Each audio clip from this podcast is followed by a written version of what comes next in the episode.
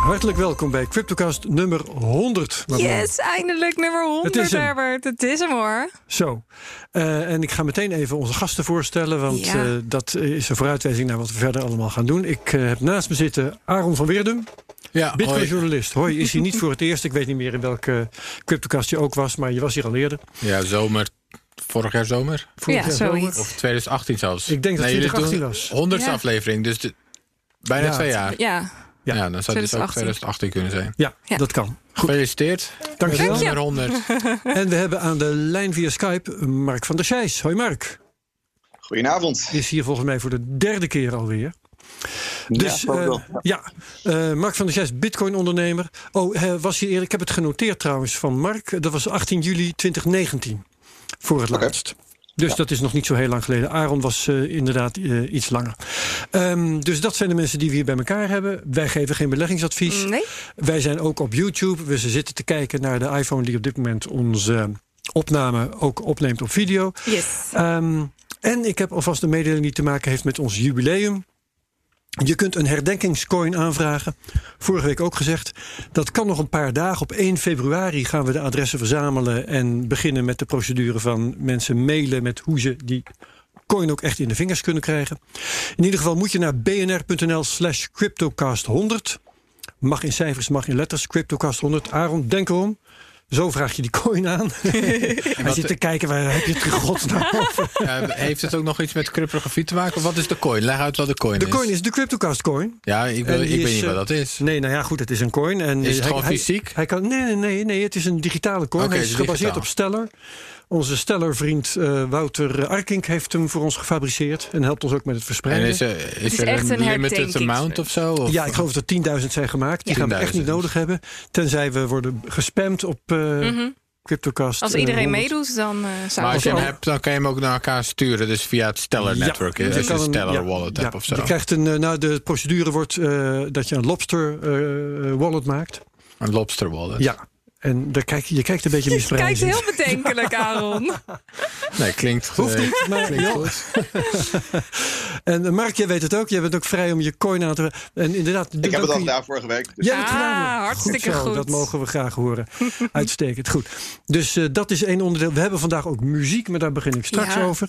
En waar ik nu het eerst over hebben, wil hebben, Madelon, is over de Crypto Cats. Ja, Herbert. Wat wil je weten? Nou, eh, ik moet eerst aan de luisteraars vertellen, want ik geloof niet dat we dat vorige keer hebben verklapt.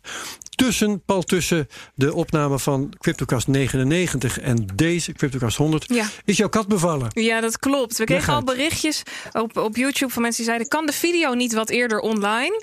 Eh, nou, op dat moment, in, in de nacht van vrijdag op zaterdag, is mijn kat het- inderdaad bevallen. ja. En dat lukte eventjes. En de video waar me- mensen om vragen, was dus de video van nummer 99. Ja, klopt. Want we beginnen niet zomaar over die katten. Die katten hadden invloed op wanneer onze video verscheen. Dat, eh, en een vertragende invloed mag je wel zeggen. Ja, inderdaad. Die verscheen iets later. Het ging in de eerste instantie niet helemaal goed. Dus ik moest wat ingrijpen. Maar eh, inmiddels zijn alle zes de CryptoCats helemaal gezond en wel. En de moeder maakt het ook goed. Ja, want je moest met de moeder in het holst van de nacht nog een keer Ja, dat eh, ging naar niet. eh, ging het ziekenhuis schreef je mij. Ik weet Ja. niet of het echt een ziekenhuis was. Ja, de, de dierenarts die, die moest naar ons toe komen. En eh, ja, het, het ging allemaal even niet goed. Maar eh, nu inmiddels is het helemaal weer oké. Oké, nou we Yes. hebben ze officieel geadopteerd. De CryptoCats eh gaan we volgende week misschien ook niet te veel en niet te lang. maar, eh, wordt wel een paar weken lang een rode draad, denk ik zo. Zeker, leuk. Oké, ehm, laten we het om te beginnen maar eens even hebben over de prijzen. Eh, dat is weer een groot spektakel de laatste dagen. Ja, ik pak de grafiek er eventjes weer bij. Het is eigenlijk fantastisch, Herbert. Eh, we hadden het al gezegd, hè, die, die uitbraak uit, die neerwaartse trend. En dat was op, eh, op 15 januari. Daarna hadden we een prachtige retrace, want... Je weet het, de weg omhoog die gaat met ups en downs. Tuurlijk. En eh, inmiddels hangen we tegen dat niveau aan waar Tuur en, eh, en ik vorige week een beetje, ja, eh, ja, ja, hoe noem je dat? Eh, tegenaan hikten, zeg maar. Mhm. Eh, en dat is rond de 9400 dollar. Daar En wat is belangrijk aan dat? Dat is een, een weerstand. Ja, dat is een nieuwe weerstandslijn. En eh, vanuit hier wordt er weer eventjes momentum opgebouwd. Dus je moet het zien als ademen. Totdat de koers weer opnieuw genoeg momentum opgebouwd Ja. heeft om weer verder Een omhoog nieuw te gaan. aanloopje nemen. Ja, dus we zitten nog steeds in die, in die trein die op weg is naar de 10.000 dollar. Maar dat gaat met vallen en opstaan. Ja, nou heb ik vanmorgen daar eh, met mijn eh, bescheiden wijsheid nog dingen over gezegd in de crypto-update eh, op BNR. Mhm. En er, er wordt gezegd dat coronavirus heeft er iets mee te maken. Dan denk ik, du moment dat ze dat virus onder controle krijgen, gaan we die winst ook weer kwijtraken, of niet? Ik zie geen reden waarom het coronavirus hier, eh, hier invloed op heeft, om heel eerlijk te zijn. Je, je hebt gelijk door dat de, dat de beurzen in, uh, instort. Dat is logisch, want er worden allerlei barrières um, gevormd binnen China. Dus er ontstaat wat paniek van hoe gaat het met de handel, hoe gaat het internationaal. Dat is begrijpelijk. Ja. Uh, altijd als er onrust ontstaat, dan zie je vaak dat goud en zilver, dus de edelmetalen, het goed doen, palladium, et cetera, et cetera. Maar om nou gelijk te zeggen dat de koers van Bitcoin hier ook aan verwant is durf ik niet zo, ik, niet ik denk, te zeggen. Ik Mark van der. Oh, die, die Mark denkt wel. Dat ja, ja. Dat is eigenlijk mijn, mijn nieuws ook dat ik waar ik het over wilde hebben. Nou, kom op dan. Van het, van het, coronavirus op de, ja, op de, op de bitcoin. Ja. Ik denk dat er een aantal effecten zijn. Je hebt de ene natuurlijk al genoemd. Um, kijk, ik denk wat, wat vergeten wordt zijn een paar dingen. Um, de meeste bitcoin miners komen uit China. Um, en wat er gaat gebeuren is dat de productie in de komende weken, misschien zelfs de komende maanden stil gaat liggen. Uh, ik denk dat Welke we volledig bedoel je dan? Van, van bitcoins of van miningapparatuur of zo? Miningapparatuur. Mining ah, zowel, okay. zowel, zowel, de miningapparatuur als, als de bitcoin mine zelf. Ik bedoel, steeds een heel groot deel van de hash rate komt, uh, komt uit China. Ja.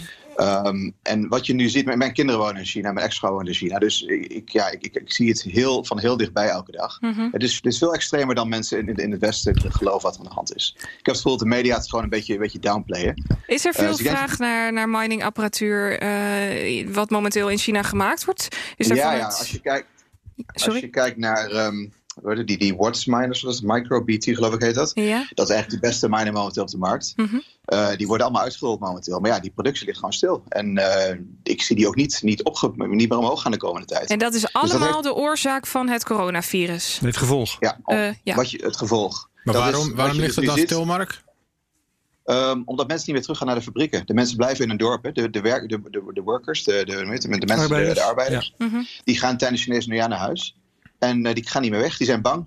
De, er is uh, veel, ook veel dorpen zijn van de buitenwereld afgesloten. Ik zie bijvoorbeeld de werkster van, van mijn kinderen en de, en de chauffeur van hen. Die zitten altijd opgesloten in een dorp. Daar hoor je niks over op, op, in de media. Maar die kunnen niet weg. Het grootste deel van de Chinezen kunnen niet weg momenteel. Ook mensen die ver buiten Wuhan zitten. Kleine dorpjes sluiten, zichzelf af van de buitenwereld. Mm. Um, en die mensen kunnen niet terug naar de fabrieken. Dus ik denk dat het effect veel groter is eigenlijk. En maar op, ik, op dit uh, moment zien we geen uh, val, drop, hoe zeg je dat, neergang van hashrate? Of...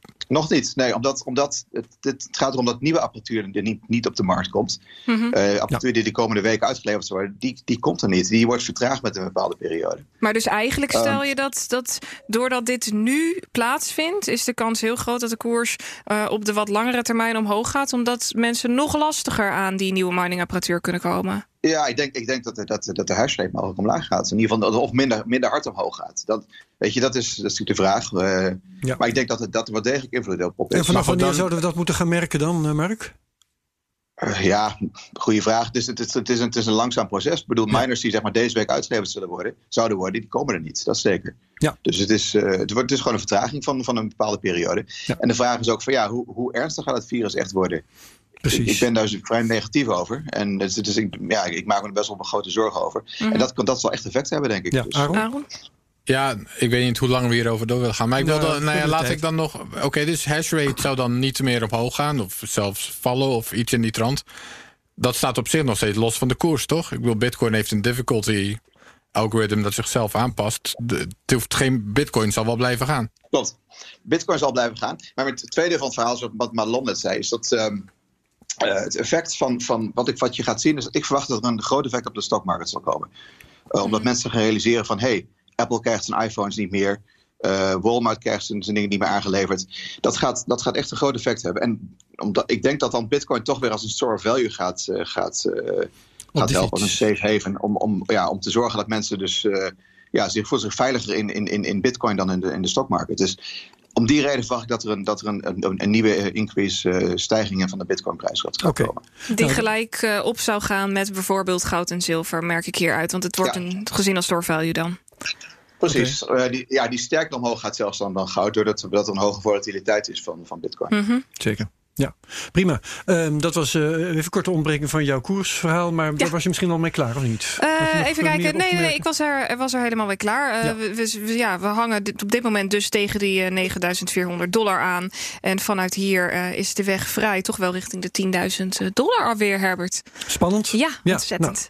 Dat eh, gaan we dan maar afwachten. Hè? Daar zit weinig anders op. Mhm. Oké, prima. Eh, Aaron, heb jij nieuws voor ons? Nieuws, zijn we daar eh aanbeland? Ja, Ja, ik heb, eh, aanbeland, jullie, ja. jullie mogen kiezen. Ik heb, eh, ik, heb leuk, ik, heb, ik heb leuk nieuws, of grappig nieuws, zeg maar. Of ik heb belangrijk nieuws. En dan.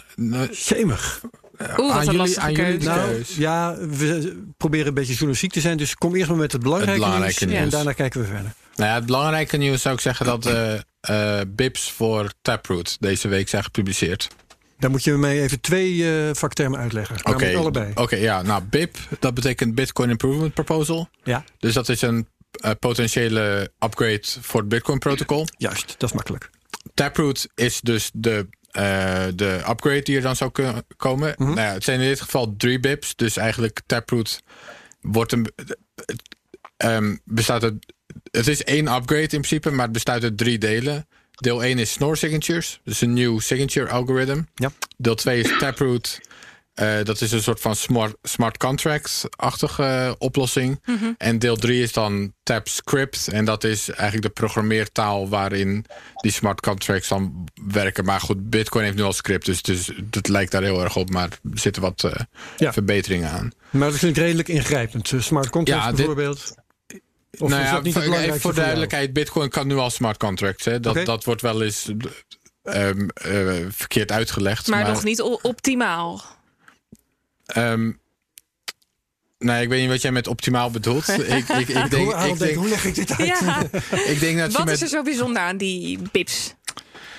Taproot. Ik zou zeggen, als ik het in het kort moet uitleggen, is het leuke, of het, het interessante aan Taproot, is dat je allerlei ingewikkelde smart contracts op Bitcoin kan krijgen. Op zich kan dat nu ook al, maar nu kost het heel veel code en heel veel blockspace en allemaal dat soort dingen. En die kun je dan eigenlijk verhullen in een normale transactie. Dus het enige wat je op de blockchain ziet is een normale transactie. Maar dan eigenlijk op de achtergrond heb je allerlei voorwaarden aan die, aan die transactie gesteld. Bijvoorbeeld, het geld kan pas worden uitgegeven na een week. Of zoveel van de zoveel mensen moeten ermee instemmen. Of je had een of andere geheime code moeten overleggen. Weet je wel, zoals wat Lightning gebruikt. Of je kunt allerlei interessante voorwaarden aan een transactie stellen. Maar op de blockchain ziet het er straks allemaal uit als een normale transactie. Dat, En- is, eh, dat is in principe in een notendop wat, de, wat het voorstel is. Ja, maar, eh, het klinkt als iets wat bedrijven kunnen gebruiken. Wat voor bedrijven? Of is het een hele domme vraag en kunnen eigenlijk alle bedri- bedrijven dit fantastisch gebruiken? Ehm, nou, je kunt inderdaad wel eh, bedrijfsconstructies verzinnen dat drie, uit of, drie van de vijf boardmembers moeten instemmen om geld te verplaatsen. Of als een backup, eh, of eh, weet je wel, kan, eh, kunnen twee van de vijf het na een jaar. Of je, je kunt al even dat soort constructies verzinnen. Ja. Maar een, een ander voorbeeld is dus bijvoorbeeld iets als Lightning. Nu, op het moment dat je een Lightning channel opent en sluit, dan kun je dat wel herkennen op de blockchain als een. als dus een lightning opening. de- en, en met iets als Taproot zou dat niet meer kunnen. Of je kunt allerlei privacy-achtige transacties maken die ook niet meer herkenbaar zijn. Die, het ziet er allemaal uit als een normale transactie. Dus het Ja. eh, verbetert de privacy en de fungibility, zou je dat dan. Dus- Dus van Bitcoin is elke coin eigenlijk hetzelfde is. Ehm, en de efficiëntie, omdat al die voorwaarden waar je het over hebt, die hoeven dus niet meer allemaal op de blockchain gepubliceerd te worden. Weet je wel, dus je kunt Dus er blijft meer ruimte over, zeg maar. je kunt meer smart contracts, meer transacties op de blockchain kwijt eh, met, met zoiets als Taproot. Ja, ja. Hoe, zie jij, hoe zie jij het belang hiervan, Mark, in Vancouver? Nou, ik kijk natuurlijk meer naar de zakelijke k- kant hiervan. Ja. Kijk, in het algemeen is het denk ik heel goed voor Bitcoin. Omdat eh, het maakt Bitcoin ja, weer beter, weer sterker. Eh, en ja, je zult zien dat, dat mensen die overwogen een andere blockchain te gebruiken, omdat die makkelijker, te, was voor, voor smart contracts bijvoorbeeld, nu toch Bitcoin zullen gaan gebruiken.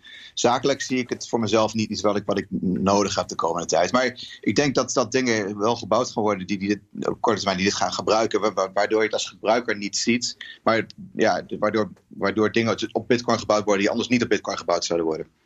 Ja, zeker. Oké, ehm Madelon? Nee, wel, ja, doe jij eerst jouw Ja, nieuws en dan ga ik dan terug naar Aaron voor het eh, minder belangrijke en leuke nieuws. Oké, goed. Dit is uh, nou nog een, een, redelijk belangrijk nieuwtje. Uh, ik vond een, een, artikel deze week wat ging over de nieuwe wetgeving. En dan dit keer niet om de AMLD5-wetgeving, maar om de wetgeving in Amerika. Want hier in Europa is er nogal chaos. Europa heeft één grote wet neergedropt en ieder land geeft daar zijn eigen invulling aan. Ja, waardoor er ook bedrijven vertrekken. Ja. Precies. En uh, nu is eigenlijk de vraag: hoe wordt er in de Verenigde Staten naar gekeken? En uh, er is een onderzoek gepubliceerd door de Blok. En uh, de Blok is een, um, een mediapartij die veel onderzoek doet, maar ook veel schrijft over cryptovaluta. En zij hebben 217 bedrijven uit de industrie, dus uit de crypto- en blockchain-industrie, gevraagd of ondervraagd. En 35 daarvan hebben ze ook met interviews specifiek benaderd. En nu is het antwoord van maar least 91% van al deze bedrijven dat ze totaal geen duidelijkheid hebben over wat de regelgeving momenteel betekent en wat dit in de toekomst uh, ja, voor, voor verdere uh, gevolgen heeft voor hun bedrijf. En ik, ik, kan wel even een stukje citeren. Er is één directeur op een afdeling van een cryptocurrency bedrijf en zij zeggen hier letterlijk: iedereen heeft het over termen zoals regulering en handhaving. En dat is de echte angst. Je kunt er moeilijk op vertrouwen. En het is heel lastig om momenteel in de Verenigde Staten een bedrijf op te zetten. Dus mhm. waar hier bedrijven in Europa tegenaan hikken, gebeurt dus in de Verenigde Staten net zo goed. En ik ben eigenlijk wel benieuwd uh, hoe jij dat ervaart, uh, Mark, in Canada, hoe, hoe dat bij jullie is. Nou, bedrijf opzetten is, is, is heel, heel, heel simpel. Ik heb het mhm. toevallig vorige week al opgezet. Het is, het is, ja, het is, een, het is een kleine formaliteit. Je doet het online. Um, het is, uh, het is ja, heel, heel makkelijk. Dus uh, veel, veel, veel makkelijker dan in Amerika. En ook makkelijker dan Nederland volgens mij. Ja, en, en qua toezicht en, en regelgeving? Um, ja, de, als, het, als het crypto is, is er zeer veel toezicht. Mm -hmm. uh, in de zin van als je het bedrijf begint, nog niet, zo, niet echt, maar als je met operations begint, als je producten uitrolt die met crypto te maken hebben, dan, uh, dan, ja, dan, is, dan, dan kijkt de Security Commission, de Securities Commission die kijkt mee. Die wil weten wat je doet. Um, dus ja, er is behoorlijk wat regelgeving op dat gebied. Oké. Ja. ja. Waarom? Ik dacht, ik dacht even dat je ademhaalde om wat te gaan zeggen. Nee hoor. Nee, oké, goed. Um, dan kom ik nog even met mijn nieuws. Daarna mag jij weer. Uh, dat is dat um, Chris Dunn, dat is uh, een bitcoin-guru... die een YouTube-kanaal exporteert. 200.000 ruim aan volgers. 50.000 volgers op Twitter. die heeft een polletje gehouden via Twitter... Uh, en vroeg aan zijn volgers: wie van jullie, wat, wat gaan jullie doen als de Bitcoin de 100.000 haalt? En dan een aantal mogelijkheden. En één was uh, hoddelen, één was verkopen en nou ja, van alles en nog wat. Um, uiteindelijk hebben 1800 mensen gereageerd. En driekwart daarvan zou substantieel verkopen als de Bitcoin de 100.000 zou halen. Um, dit is niet wetenschappelijk natuurlijk, is niet representatief, maar het zegt mij, ik vind het, ik vind het veel. Ik vind het een groot aandeel van mensen die, um, uh, gaan verkopen als uh, nou, bij deze. Het is natuurlijk een psychologisch belangrijke koers. Ik kijk maar eens eventjes naar Aaron. Vind jij dat ook? Nou, ik, ik, ik vermoed dat er nogal wat sampling bias uh, zit van deze meneer Chris Dan. Ik heb er nog nooit van gehoord. Ik vermoed dat okay. hij populair is bij traders of bij of ken jij hem wel? Ja, ik ken hem wel. Uh, hij zit uh, nou een jaar of zes, zeven nu in deze branche. Maar 2013 als ik goed. Ja, hij heeft gewoon heel veel volgers uh, verkregen en dat zijn voornamelijk traders. Dat klopt. Ja, nou ja, goed. Ik vermoed dat trekt een bepaald publiek aan die hier is voor het geld. En die mhm. denken bij zichzelf, als mm -hmm. we 200.000 halen, dan is het lekker. Uh, maar heel eerlijk, het, ja, het is een kleine kans dat al die mensen dat ook echt zullen doen. Ik heb voor mezelf vroeger wel eens een, een bepaald limiet afgesproken. En dat begon al met 1000 dollar. En dan gingen we naar de 10.000. En iedere keer zeg je weer, ja, nou, dan ga ik verkopen. Maar je wil gewoon uh, met, je, met je voeten in de aarde staan. Je wil hier bijblijven. Je wilt, je wilt gewoon niet loslaten. Ja, nou, de, veel zeiden ook: ik ga natuurlijk niet alles verkopen. Weet je wel? Dus ze verkopen dan een deel. Ik vond um, de toelichtingen, de, de, dus de, de verbale reacties die er volgden op die poll, die vond ik ook heel interessant. Want mm -hmm. er was er bijvoorbeeld één. Ik denk dat, uh, dat Mark daar misschien ook wel iets over te zeggen heeft. Die zei: als de bitcoin de 100.000 haalt, dan zou dat best eens kunnen zijn door een gigantische waardedaling van de dollar. En dan ben je natuurlijk niet goed bij je hoofd als je je bitcoins gaat verkopen. Dus uh, er kunnen. En, en er was er trouwens ook een die zei van ja, ik ga wel verkopen uh, op 100.000, maar uh, dan, daarna daalt hij weer naar 20.000 en dan koop ik weer. Mm -hmm. Weet je wel, dus zo waren er allerlei nuances die je uit het polletje niet haalt. Terwijl die in feite in de gedachten van de respondenten ja, wel, wel zitten. Ja. Wat zeg jij van die poll, Mark? Ja, ik, ik geloof er niet zo in. Ik bedoel, ik, ik weet van, van veel mensen om me heen dat, dat die zeiden dat ze zouden gaan, dat ze zouden gaan verkopen als de koers 1000 dollar zou, zou, zou halen. Ja, precies, ja. En uh, nou ja, dat heeft niemand gedaan volgens mij. Misschien dat ze een paar verkocht hebben. En de mensen die het wel gedaan hebben, hebben weer teruggekocht op een hogere koers. Want ja, ja weet je, je gelooft in bitcoin of je gelooft er niet in. Ja. En als je het geld nodig hebt, verkoop je wanneer je het, wanneer je het nodig hebt. Ja. Niet, niet omdat een koers een bepaald level haalt. Daarnaast denk ik dat het ook een rol speelt. is als, als de koers hard stijgt, van 80.000 naar 90.000 naar 100.000, dan verkoop je niet, want het is een bull market. Als die, als die net de 100.000 haalt, misschien wel. Weet je, en dan krijg je dan, dan, dan. Maar als het in een, in een snel stijgende markt is, geloof ik niet dat mensen gaan verkopen. Want dan zitten ze echt in, in, in, in, een, in een fase dat ze denken: van het gaat nog verder omhoog. Ja, maar ik heb uh, uh, de, de uh, uitzending waar jij het laatste, de podcast waar je het laatste in zat van ons op 18 juli, heb ik teruggeluisterd. Ik, maar ik weet het bedrag niet meer precies. Maar volgens mij heb jij toen zelf ook gezegd dat als de Bitcoin boven een bepaalde grens kwam, dat jij dan met je miningbedrijf Hut Eet wel degelijk zou gaan verkopen. Uh, ja, voor, voor, voor, voor Hut 8 willen we gewoon een dividend uitkeren aan aandeelhouders bij bepaalde, bepaalde uh, hoogtes van de, van de Bitcoin-koers. Die we, waar we nog lang niet zijn trouwens hoor, mm -hmm. uh, op, die, op die koersen. Um, en wat is, wat is de grens die je dan in gedachten hebt, of mag, mogen we dat niet weten? Nee, daar kan ik helaas niks over zeggen. Koersgevoelige informatie. Oké. Okay. Ja. Goed, nou, het is maar een polletje, dus we gaan er niet al te lang over doorpraten. Ik kijk naar Aaron. Wat was nou jouw leuke nieuws? Oh, nou, het nieuws waar ik me het meest heb vermaakt is de, de hele Bitcoin Cash kermis. Oh, vertel. Ah. Houden jullie dat bij? Of? Nee. nee, nee, nee, nee, eigenlijk niet. Nou ja, er was dus van de week een uh, voorstel gekomen van een groep miners. Het probleem is dat een van de implementaties, eigenlijk wel de leidende implementatie, de implementatie die alle miners gebruiken en volgens mij alle exchanges en zo, dat is Bitcoin ABC. Mm -hmm. Dus Bitcoin ABC definieert eigenlijk een beetje Bitcoin Cash. Um, maar die, uh, die willen geld hebben. Die hebben geen geld of ze willen meer geld. Of in ieder geval ze willen geld hebben. En toen is een groep miners, uh, vooral Chinese miners... maar bijvoorbeeld ook eh, Roger Ver's Bitcoin.com... die hebben toen een aankondiging gemaakt... dat ze een deel van de block rewards... Naar een, een bedrijf in Hongkong gingen sturen... en dan vanuit dat bedrijf in Hongkong... gingen dan developers worden betaald. Dus hè, vanuit de block reward gaat er geld naar okay. developers. Mm -hmm. Ja, kan. Nou ja, dat kan. Maar in Bitcoin is dat een ondenkbaar idee. Dat kan echt niet. Je gaat niet zomaar mensen betalen uit de block reward. De block reward is om het netwerk veilig te stellen. Dus om okay. het protocol veilig te stellen. Ja. Dat je met het idee komt om daar developers mee te betalen... is in mijn ogen absurd. Nou ja, uh, daar was binnen Bitcoin Cash ook wel oneenigheid over. Um, Wie heeft dat voorgesteld dan om dat te doen? Nee, het was geen voorstel, het was een aankondiging. En, en, het mooie was dat uh, Jihan Sauer, of Jihan Sauer, Yang Sauer, dat was, dat de CEO van Bitsy.top, een van die miners, die had dan ook de non-debate theory. En de theorie was dat je moet niet debatteren, je moet gewoon doen. Klinkt behoorlijk communistisch. nou ja, dat is inderdaad. dat uh, was ook een beetje mijn uh, idee, ja. Dat, uh, ik weet, ik weet niet of dat uh, heel gangbaar is in de cultuur daar, Mark. Wat denk jij?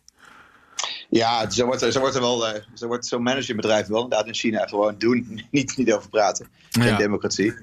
Dus, maar ja, het is natuurlijk, het is natuurlijk een doodzonde inderdaad voor, voor, voor Bitcoin Cash. Ik, bedoel, ik, ik, ik, heb sowieso geen, enkel, geen enkele Bitcoin Cash meer. Maar uh, dit is natuurlijk een extra reden om te zeggen, joh, blijf er, van, blijf er heel ver van vandaan, want dat, uh, dat gaat niet werken. Nee, nou ja, er was dus ook wel. Nou ja, het was controversieel. Ja, ik geniet er. Ik vind het heel leuk, omdat ik vind Bitcoin leedvermaak. Cash. Nou, leedvermaak. Je kan het leedvermaak noemen. Um, het is. De analogie die ik soms heb gemaakt is: stel dat je een groep uh, rocket scientists hebt. Ja. En die zijn een raket in elkaar aan het bouwen. En die hebben er jaren voor gestudeerd. En die weten dan precies hoe de vloeistofcompressors in elkaar moeten zitten. En wat de spanwijdte moet zijn. En hoe de boog van de neus. En, weet ik veel. en dan komt er een groep mensen die zeggen: nee, nee, jullie doen het helemaal verkeerd, want de aarde is plat. Jullie, jullie dit, weet je, die komen met een of andere conspiracy theory. Waarom ze het helemaal verkeerd doen. En die zeggen: wij gaan onze eigen raket bouwen. Ja, ik pak dan mijn klapstoeltje erbij. En ik, en ik ga kijken hoe ze dat gaan doen. Want ik vind dat ontzettend fascinerend om te zien. En dat is een beetje wat Bitcoin Cash voor mij is. Het is een soort van bizarro versie van Bitcoin. Waar, ja, gebaseerd op een conspiracy theory. En mensen die denken dat ze het beter weten. Nou ja, dan krijg je dus dit soort voorstellen en dit soort oneenigheid. En dan hebben ze geen idee hoe ze dat eigenlijk moeten oplossen. Want ze hebben, weet je al, dan komt er misschien weer een hard fork en een split. En Tuurlijk, ze zijn al een keer gesplit. Nou, dat zou best wel eens nog een keer kunnen gebeuren nu.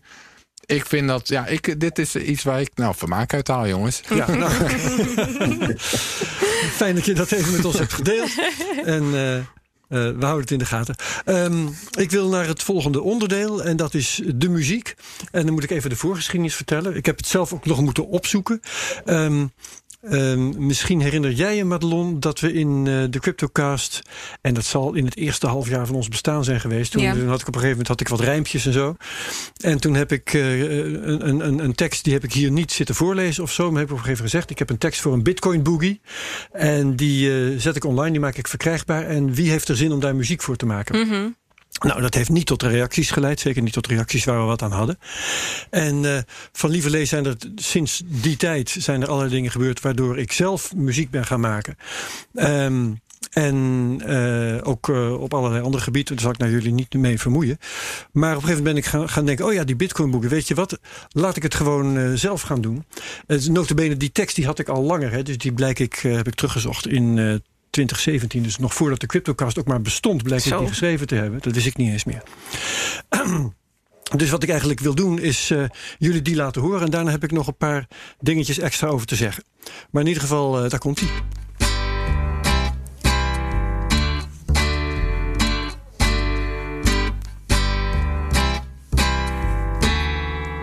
Geld is gemaakt van koper, zilver of goud. Puur en duur materiaal dat zijn waarde houdt. Klinkende munt, die rinkelt en rolt. Ik voel me goed met mijn zakken vol. Geld is van metaal en niet van hout. Het is de ping ping waar stinkend rijk niet stinkt. Ping ping boogie, waar goud het mooiste blinkt. Goud is gemaakt van plastic of papier. Papier, hier. Gemak van betalen is geluk voor de bankier. Het is licht als lucht, dit is al je geld. Jij koopt, ik vind, dat is het spel geweldig. Het is geldig op papier. Doe de pinpas boogie, je spaarpot is nu plat. Boogie, zo'n pinpas is pas wat. Geld is een ding voor smartphone en pc. Je scoort punten met je werk en daar koop je voedsel mee. Zelfs wat je in Timbuktu haalt. Je kiest, je klikt, je hebt betaald. Geld is een hard getal, maar een vaag idee. Hey! Boogie, flitsend kapitaal. Adyen boogie, jij flitst en ik betaal. Geld is gemaakt van code en energie. Twee schepen peer-to-peer en een kwak cryptografie. De blockchain heeft je geld geteld. Lightning maakt het bliksemsnel. Bitcoin geeft het geld autonomie. Met de Bitcoin boogie keihard op en neer. Bitcoin boogie.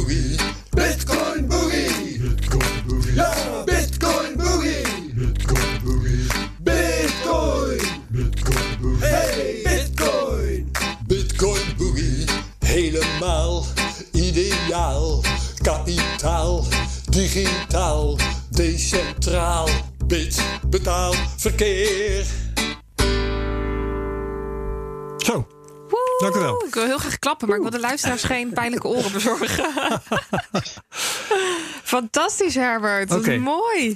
Ehm, Was dit, de prim dit was de primeur. dit was de wereldpremière. Nou, kijk aan. Ja. En ehm, nou, eh, ja, wat wel duidelijk zal zijn, ik, ik kan helemaal niet zingen en ik kan eigenlijk ook niet spelen. Ik, ik monteer dat bij elkaar door elk akkoord één keer aan te slaan en dan zo vaak als ik nodig heb te kopiëren. Weet je wel. Dus dat is een ontzettend werk. Ontzettend kloten. Ehm, Wat doe ik nou? Ik, dit, eh, dit staat vanaf nu eh, online. Hè. Dat Mhm. staat eh, op allerlei manieren. In elk geval vanuit de show notes kun je straks naar eh, eh, die Bitcoin. En dan kun je de tekst zien. Je kunt de akkoorden zien.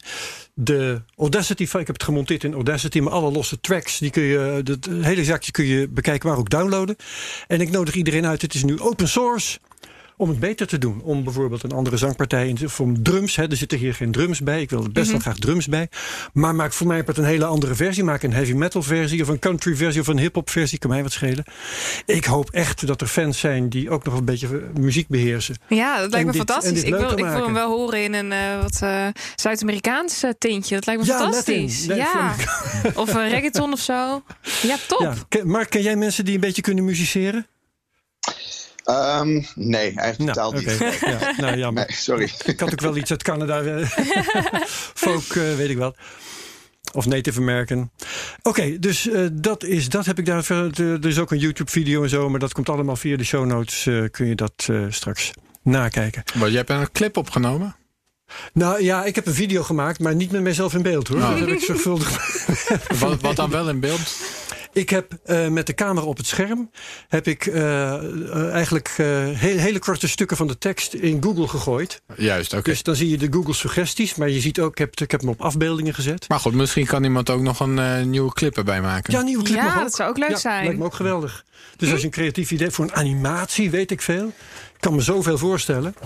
Dus ehm, ik hoop dat daar eh, allerlei creativiteit rondomheen ontstaat. Yes. En dan gaan we natuurlijk, mochten er leuke dingen tevoorschijn komen, dan gaan we die hier eh, vermelden en bespreken. Absoluut. Mooi. Dan zijn we toe aan eh, het inhoudelijke gedeelte. ah, er is ook best wat inhoud voorbij gekomen. Maar we hebben bijvoorbeeld allerlei tweets. Zullen we daarmee beginnen of zullen we beginnen met de ja, vragen laten die we, we zelf hebben beginnen, voorbereid? laten we beginnen met de tweets en dan kijken we wel wat we overhouden. Ja. Oké, jij of ik? Oké, hier heb ik wat. Ehm, er was een vraag van Subsidieland, was geloof ik de eerste die binnenkwam. Ja. Eh, ransomware wordt nu vrijgekocht met bitcoin of een variant daarop, dus 100% traceerbaar. Maar gebeurt dat in de praktijk ook? Of blijven de besmette bitcoins eeuwig vast op een wallet? Weet jij daar wat op, Aaron?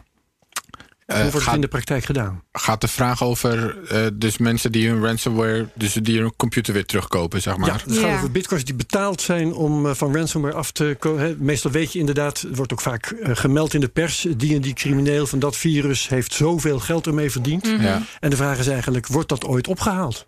Eh, nou, weet ik eigenlijk niet. Nee, maar goed, je, er zijn wel vrij goede mixing technieken tegenwoordig waarmee je dat, Mm. waarmee je dat eh, zou kunnen oplossen. Het, het wordt pas een probleem als je echt heel veel bitcoins hebt. Want dan wordt mixen ook lastig, zeg maar. Omdat je. Ja.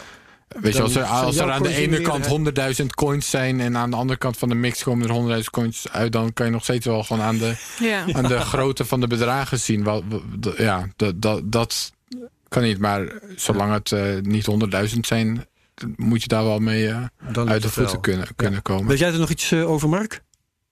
Nou ja, ik weet dat, ik, dat de meeste cybercriminelen die, die deze technieken toepassen, niet de meest intelligente jongens zijn. Dus die hebben al moeite om überhaupt te begrijpen wat, wat mixing techni- technieken zijn. Dus dat gebeurt weinig.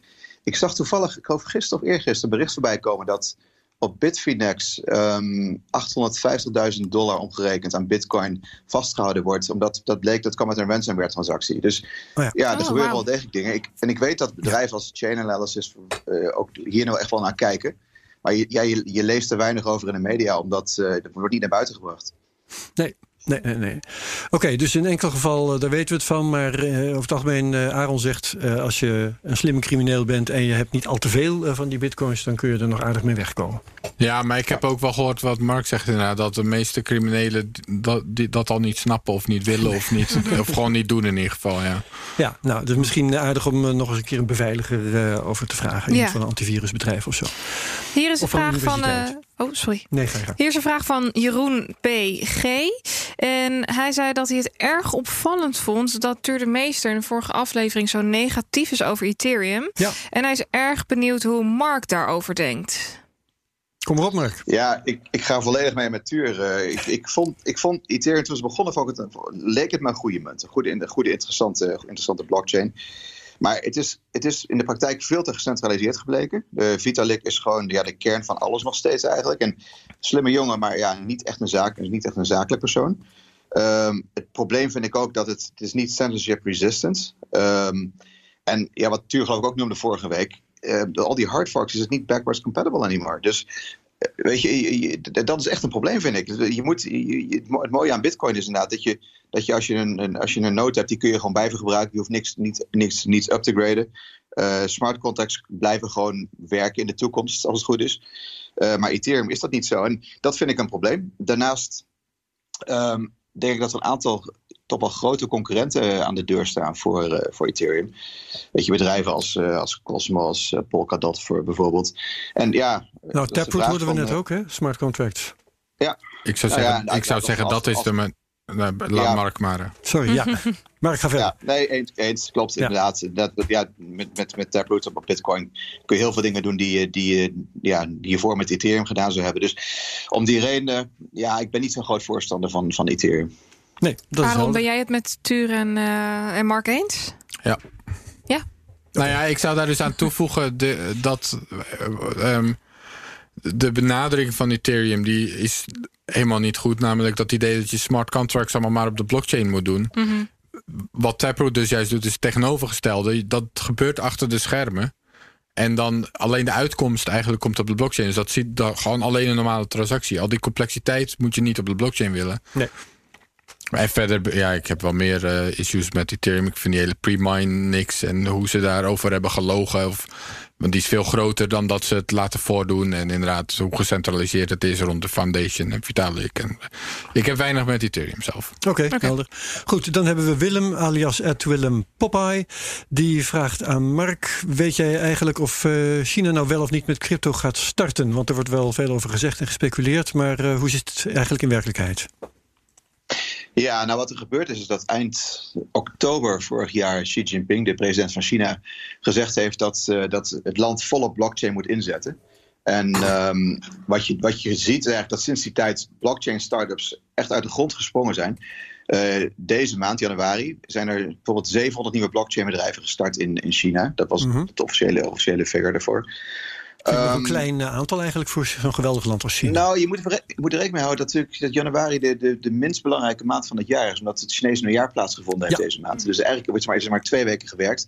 En de meeste mensen gaan vlak voor, uh, vlak voor kerst bijvoorbeeld in Nederland ook niet een bedrijf beginnen. Dat doe je in het nieuwe jaar. Dus Precies. ik, eh, daarnaast zie je dat heel veel VC's, venture capitalists, eh, eigenlijk alles wat ze zien op blockchain gebied willen zien en erin willen investeren. Dus um, ja, ja, China en crypto gaan heel goed samen momenteel. In ieder geval blockchain technologie. Ja, maar de vraag gaat Dus, volgens eh, mij uh, om een uh, Chinese cryptomunt. Ah, oké, okay, sorry. Um, ja, die cryptomunt uh, die, die gaat op korte termijn komen. De, de, de, het is een central bank digital currency. Ja. Dus een, een digitale munt gebaseerd op de Chinese renminbi. Um, en ja, ik denk eigenlijk wat, wat er aan het gebeuren is... dat China die probeert die munt als een wereldwijde munt uit te rollen. Um, dat doen ze uh, met name in eerste instantie denk ik in Afrika... en in, in, in, in de rest van Azië, waar ze, waar ze toch wel best wel veel... Um, uh, invloed hebben. Ja. Um, ik denk wat, wat, wat, die, wat, wat het doel van die munt is eigenlijk om een soort van ja, digitale uh, wereldwijde renminbi, uh, dus, of yuan, hoe je het wil noemen, uit te rollen.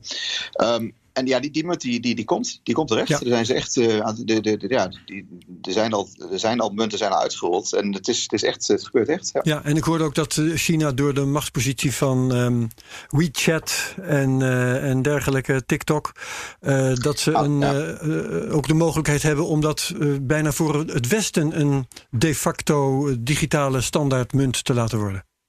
Klopt. Wat je ziet is dat, dat in China dat je, je betaalt met betaal je niet meer. Ik bedoel, ik, ik, als ik in China ben, ik ben er elke maand een week, um, betaal ik alleen met, met, met WeChat Pay of ik betaal met Alipay. Dat zijn, Alipay, dat zijn ja, ja, ja. Alipay, ja, die zijn wallets die je op je, op, je, op, je, op je telefoon hebt. En in het verleden, dat wil zeggen tot drie maanden geleden, tot die aankondiging van, van Xi Jinping, kon ik er alleen binnen China mee betalen. Het grappige was, ik kwam begin november kwam ik terug in, in, in Vancouver en ik ging naar de lokale supermarkt hier. Hing een heel groot sign aan de muur. En, uh, en daar stond op dat ik vanaf nu ook in Vancouver in Canadese dollars kon betalen met mijn, met mijn, uh, met mijn WeChat wallet en met mijn Alipay wallet. Wow. Dus en dat is geen toeval volgens mij. Dat heeft ermee te maken dat, dat, ze, dat ze die dingen dus wereldwijd gaan uitrollen. En dat die dan daarna op, omgezet worden naar de Chinese digital currency. Dus ik denk dat het gewoon een soort paard van Troje is om om die, die munt wereldwijd uit te rollen. Maar ja, niemand ziet het eigenlijk, grappig Nee. genoeg. Nee. Kijk ik even naar Aaron. Eh, lijkt dit jou een, eh, een bedreiging voor Bitcoin of juist een kans, een, een, een eh, steun? Eh, ik zie het niet als een bedreiging. Nee, nee het is, het is eh, hooguit een. De, de innovatie van Bitcoin is niet dat het digitaal is of zo. Dat, dat is er niet interessant aan. Eh, ook al eh, is dat ooit misschien zo soms geframed. Nee, wat interessant is aan Bitcoin is dat het een hedge against inflation is. En dat het eh, censorship resistant is. En geen van beide zal een Chinese eh, digitale munt gaan bieden. Dus oh, eh, ja, ik zie het niet echt als een eh, bedreiging voor Bitcoin. Nee. Ja, oké. Ehm, dan vraagt Leon, eh, alias at Moonshot75. ehm, hoe zien jullie Bitcoin de kloof naar de early majority dichten en hoe ziet de weg naar massa-adoptie eruit? Kun jij daar wat En, eh, ja, nou, mijn, mijn idee daarover is eigenlijk vooral dat eh, de rest van de wereld eh, die gaat alleen maar verder afbranden. De, de financiële sector en eh, noem het maar op, dat gaat allemaal niet heel erg lekker. En zolang Bitcoin overleeft, Ja, denk ik dat steeds meer mensen dat, d- daar vertrouwen uitputten. Hè, hoe langer Bitcoin niet doodgaat, hoe meer vertrouwen er is dat het niet dood zal ja. gaan. En hoe meer En, andere... en dat het als safe haven kan worden gezien en dat het als alternatief zal worden geaccepteerd. Ja. Dus ja, mijn, mijn idee daarover is eigenlijk: eh, het Bitcoin moet zien te overleven. En dan eh, gaat de rest wel kapot. ja, Zit en- Bitcoin volgens jou nog in die eh, early adopters fase? Of zijn we al toe aan die early majority? Of misschien juist totaal niet en moeten we meer richting de innovators nog denken? Ja, maar dit zijn echt. eh, dit, dit is echt zo'n tech-curve, zeg maar. Dit zijn van die termen uit de techwereld. Mhm. en, en Bitcoin is ook een financieel iets. En ik weet niet hoe één op één je dat allemaal zo kan zien. Ik bedoel, ik denk dat Bitcoin nog wel even zal blijven groeien. Of, niet- of beter gezegd, ik denk dat de rest nog wel even zal blijven branden. Ja, En. eh, het is heel simpel gezegd. Ja, Bitcoin de- staat nog wel aan het begin. Ehm, ja, hope- hopelijk is Bitcoin er eh, honderden jaren. Dus dan staan we aan het begin, ja. Ja, ja, ja. ja. Maar je zegt Bitcoin moet zien te overleven. Betekent dat dat je wel vindt dat er bedreigingen zijn? Ja, zeker weten, ja. ja En wat Bitcoin- zijn die? Reguleringen en dergelijke? Of eh, denk je aan andere dingen? Eh, mm, ja, het is wel de vraag wat er zou gebeuren als, als, als het echt kapot gereguleerd gaat proberen te worden. En dat is wel al onderweg. Ja. Of misschien nog als je daar een stap bovenop zou zeggen wat, wat er zou gaan gebeuren als overheden het zouden gaan aanvallen. Of een soort aanval in de trant van dat ze bijvoorbeeld miningpools gaan centraliseren, eh, gaan reguleren. En dat ze bepaalde transacties niet meer mogen verwerken als dat soort dingen gebeuren. Ja. Je kunt nog een open, open vraag stellen over hoe gaat Bitcoin ehm, de mining blijven funden. Want de, de block reward die zal blijven, of in ieder geval de subsidie die zal blijven afnemen. Ja. Op een gegeven moment moet de fees dat gaan overnemen. Ja. Nou ja, daar kunnen we over speculeren hoe dat eruit gaat zien en hoe dat, hoe, of, of die dynamiek. Of dat opgevangen gaat worden. Maar dat, is, dat is nog wel een open vraag. Ja. Eh, Ja. Ik zou zeggen, er zijn privacy-problemen. Die, fungibility, hoe goed blijft dat in stand? Nou ja, dat hangt een beetje samen met het eh, potentiële reguleren van miners. Ja. Ik kan vast nog wel, ik bedoel, hoe Nee, gaan we wel, er komt quantum op een gegeven moment een keer Zeker, aan. en ja, ja. waarschijnlijk kunnen we dat wel oplossen. Maar dat is ook nog niet per se helemaal opgelost. En ja, ik denk dat eh, we zijn er nog niet hoor, Ja. jongens. Mag ik even eh, Mark zijn visie op eh, de weg naar massa-adoptie? Ja, die, is, die, die lijkt behoorlijk op, op Arons visie op dit, ge- op dit Ja. gebied. Ehm, ik geloof ook dat, dat, ja, dat er een wereldwijde financiële crisis aan gaat komen. En dat Bitcoin daar als, als overwinnaar uitkomt. En dat dat zeg maar, de stap is naar, naar massa-adoptie. Het is nog steeds heel, maar heel erg early adopter momenteel. Zel- zelfs zo dat veel mensen die, die twee jaar geleden in, in Bitcoin stapten, eruit gestapt zijn. Eh, dus die moeten Ja. eerst weer terugkomen. Ehm, ja, in, in terms eh, op het gebied van risico. ehm, ik denk dat regulering inderdaad een, een risico is. Ik denk niet dat Bitcoin kapot gereguleerd kan worden. Maar het, het kan het wel heel moeilijk, veel moeilijker maken om, om, om een Bitcoin te investeren en om het te gebruiken. Ehm, maar ik geloof niet dat het wereldwijd gereguleerd kan worden. Het zullen bepaalde landen zijn die het zullen blijven proberen. Ehm, maar ja, ik zie niet echt een mega risico op dat gebied. En andere dingen zoals, zoals, ja, zoals quantum, eh, quantum computing. Ja, dat zijn dingen die op te lossen vallen. eh, met, met een ja, software, denk ik zelf, kan Ja. het gedaan worden. Ehm, dus daar maak ik me ook niet zoveel zorgen over eigenlijk. Het is, eh, het is gewoon het is een kwestie van tijd. En het is een kwestie van... Ja, het huidige financiële systeem voldoet niet. En ja, het takelt langzaam of, of, of zelfs sneller af. En dat is goed voor bitcoin. Nou, mag ik één vraag dan eh, daar nog op eh, volgen? Bijvoorbeeld, nee, we hadden het er eerder o- eerder over heel veel mining shit in China. heel veel mining pools zitten in China. Nou ja, de Chinese staat staat nou niet echt heel erg bekend om, uh, om, hun, om hun vrijheid, om het zo Nee, maar te zeggen. Ja, die, die censureren er ook op los als het gaat om media, noem het maar op. Het lijkt mij niet een ontzettende grote stap dat ze op een gegeven moment ook mining pools willen centraliseren. En dus bijvoorbeeld transactiecensuur willen instellen. Hoe zie jij dat, Mark? Ja, nou het grappige is, dat, dat dacht ik drie jaar geleden namelijk ook dat het mogelijk zou gebeuren. Toen, toen, Bitcoin, eh, toen China steeds negatiever over Bitcoin werd.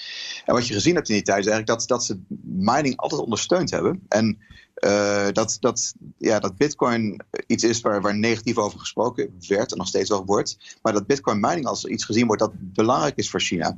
Um, de enige manier om, om in China Bitcoin te kopen is via OTC-transactions, over-the-counter transactions met miners. Ja. En dat, dat, dat wordt toegestaan door de overheid. Dus ik heb het gevoel dat ze impliciet toch mining ja, belangrijk vinden. Misschien ook wel omdat ze, dat ze op blockchain volledig willen inzetten. En ze iets hebben van ja, dan, daar, heb je ook, daar heb je mining voor nodig. Um, ik zie nog geen, nog geen tekenen dat ze, dat ze mining gaan verbieden in de toekomst. Totaal niet eigenlijk. Maar het kan altijd gebeuren. Ik bedoel, het is China. En het, is, het hoeft maar één aankondiging te zijn en het gebeurt. Maar ik, ik, zie, ik zie geen signalen ervoor. Nou of dat, dat ze bijvoorbeeld zeggen... je mag wel minen, maar een blok waar deze transactie in zit mag niet. Deze transactie mag niet gemined worden. Dit adres, dat mag niet gemined worden. Dan komen we even ja. op je deur kloppen. Dat is een risico, klopt. Dat is, uh, heeft, is nog nooit gebeurd. En, maar ja, dat zou in, theorie kunnen. Ja. Ja, spannend. Um, ik heb één vraag, maar omdat jij over de counter noemt. Ik probeer me er altijd een beeld bij te vormen. En misschien kun jij me daarmee helpen. Uh, uh, bij over de counter stel ik me door de woorden iets heel fysieks voor. Dat je naar een balie gaat en uh, iets overhandigd krijgt. Ik neem aan dat dat via marktplaatsachtige online fora uh, wordt geregeld, of niet? Ja, er zijn, er zijn ik, ja, ik noem het maar gewoon een exchange. Wat ja. je eigenlijk hebt is dat, dat, dat er een, een, middelman is die als een escrow dient. Dus je, je maakt je ja. geld over naar die persoon, dat staat vast. Dan maakt de miner maakt de bitcoins over. En als die twee dingen alle twee op, de, op die account staan, dan wordt, wordt het, ge, wordt het gereleased naar de miner het geld en de bitcoins naar de, naar de koper. Maar dat ja, gaat dus, heel dus officieel hoor. Dat, dat gaat met advocaten en dat moet ondertekend worden. En dat, dat is niet zo Juist. eventjes geld naar een middelman overmaken. Nee, oké. Okay, dus uh, nou, in China, in China niet hoor. Ik, ik heb het daar wel gedaan. Het is, uh, het is, het is um, ja, het zijn gewoon het zijn de exchange websites waar je een account aan maakt en waar de miner een account aan maakt. En je, je vindt elkaar, je maakt een deal en je, er zit verder geen, geen contract bij. Er wordt geld Ja, overgemaakt naar de exchange? Naar de, naar de, naar de bankaccount van de exchange, ja. Ah, Hmm. oké. Dus niet Ja. zoals hoe het hier in, in Nederland in ieder geval gaat. Dat je eerst eh, nou, vaak wat meer middelmens hebt. Wat meer Mhm. mensen die ertussen zitten. En dan echt met een accountant of eh, een advocatenkantoor moet zitten. En dat moet ondertekenen, et cetera, et cetera. En dat dan Nou, pas het geld het- overgemaakt wordt. Want dat gaat niet via een exchange. Het grote verschil is dat in China de OTC-transacties veel lager zijn. Daar kun je gewoon daar kun je voor 2000 dollar al een OTC-transactie doen. Ah, Dat zou je hier nou doen. Omdat, omdat Ja. in China geen officiële exchanges zijn waar je, waar je bitcoin kan kopen. Dat was En het niet klinkt het ook, maar op deze manier waarop je het nu vertelt, klinkt het best wel gestroomlijnd. En is het verschil met uh, zoals wij kopen bij een exchange is helemaal niet zo groot. Nee, is ook niet. Klopt. Dus uh, je moet alleen zelf je counterparty zoeken. Je moet zelf iemand, een miner vinden die, waar je Ja. mee wil dealen. Dus, uh, Ja, en die staan gewoon waarschijnlijk- online. Is gewoon een hele, directory van, van, van, van miners of mensen die bitcoin hebben. En die Ik wil zeggen, ja. kopen. Dus. Ja, dus een soort Ja. dating app is daarvoor uh, om elkaar te Ja. vinden. Ja, oké, leuk, leuk om dat even te horen. Mooi zo. Um, wat hebben we nog meer? We hebben een vraag van Menno Pietersen aan Mark. Zie je de potentie van decentralized finance en dedicated proof of stake projecten zoals bijvoorbeeld Cosmos of Polkadot Network? Um, ja, ik zie, ik zie ze wel. Um, ik, er, zijn, er, zijn, er zijn een soort van Ethereum competitors, zo is het net al even genoemd. Mm -hmm. um, maar ja, goed, uiteindelijk, ik geloof meer in de bewezen kracht van de Bitcoin-blockchain. Dus op lange termijn, dingen als Taproot inderdaad, die, die, die maken Polkadot en Cosmos minder belangrijk. Ik, er, er, is zeker een markt voor, denk ik. Um, Komt dat omdat Bitcoin de first mover is? Dat je Bitcoin ervoor, uh, het voordeel geeft? Nou, Bitcoin heeft een aantal dingen die, die, die nieuwe blockchains niet hebben. Mm -hmm. Dat is het netwerkeffect, dat is de naamsbekendheid. Uh, is bewezen dat het, dat het moeilijk te verslaan is. Weet je, Bitcoin komt elke keer weer terug als er een, een aanval opkomt, ook bij hard forks. Uh, de veiligheid, security van, van Bitcoin. Dat zijn dingen die, die Polkadot en Cosmos natuurlijk niet hebben en andere blockchains ook niet. En dat is gewoon heel lastig om, dat, om, om, om, om, om, om, te, uh, te concurreren met Bitcoin uh, voor dit soort dingen. En, maar ja, ze hebben zeker potentie. Het is, het is, het is interessant bij de dingen die ze bedenken. Um, maar ja, ik, ik ben en blijf een Bitcoin maximalist. En uiteindelijk verwacht ik dat eigenlijk alles op de Bitcoin blockchain of, uh, gaat gebeuren. Of, of met second lane solutions of weet je, liquid networks, whatever. Hoe zie jij dat, uh, Aaron? Uh, ik uh, zie dit soort projecten als uh, gerommel in de marge of, of misschien gewoon volledige scams. Ja? Doe maar. Maar ja, ik heb niet naar deze twee projecten, er werden twee genoemd, specifiek gekeken. Maar Cosmos nee, en ik, ik, ik, ik, had het er eerder over. De, de waardeproposities van Bitcoin zijn in mijn ogen uh, de limited supply. Of wat ik volgens mij een hedge against inflation noemde net. Ja. Maar dus Ja. limited supply. En censorship resistant payments. Dat is volgens mij de waarde die blockchain heeft mogelijk gemaakt. Dat, dat is waarvoor Bitcoin is uitgevonden. En dat idee dat je nu dezelfde technologie kan gaan gebruiken om allerlei andere uh, projectjes op te lossen, daar geloof ik niet zo in. Ik denk dat je dat vaker veel beter gecentraliseerd kan doen. Want meestal is dat helemaal geen probleem. Uh, of inderdaad dat het ook wel op Bitcoin kan. Of uh, als dat soort projecten in, in, in eerste instantie al niet die waardes bieden van censorship resistant en limited supply, dan maakt het niet zoveel uit hoeveel toeters en bellen je er verder nog op bouwt. Want mm -hmm. dat, dat is. Dan dat, heb je de niks aan. verkeerd, ja. Precies. Oké. Dus- maar goed, ik heb niet heel specifiek naar deze projecten gekeken. Het zou kunnen dat er ergens toevallig in de mist nog iets ronddartelt wat wel interessant is, maar me meestal is dat niet zo. Nog een uh, vraag van Rick de Klein, ook aan Mark. Uh, toevallig, Mark, hadden we het vorige week met Tuur over uh, dat nou ja, er best wel wat gerommeld werd bij Bitmain. En deze vraag die sluit daar wel op aan. Wat verwacht jij de komende tijd van mining hardware en de bedrijven daarachter? Ja, nou kijk, er blijft een hele grote concurrentie tussen al die bedrijven. Iedereen wil de snelste chip maken. En mm -hmm. er komt elke keer weer een nieuw bedrijf dat tijdelijk de beste is. Um, ja, wat in het algemeen, als ik naar Bitmain kijk, die hebben natuurlijk een hele grote fout gemaakt door, uh, door uh, bij de Bitcoin hard fork aan de, op de verkeerde kant te wedden. Die hebben echt miljarden verloren daardoor. Uh, en ja, die, heb, die zie ik ook niet echt meer heel sterk terugkomen. althans niet zo sterk als ze waren.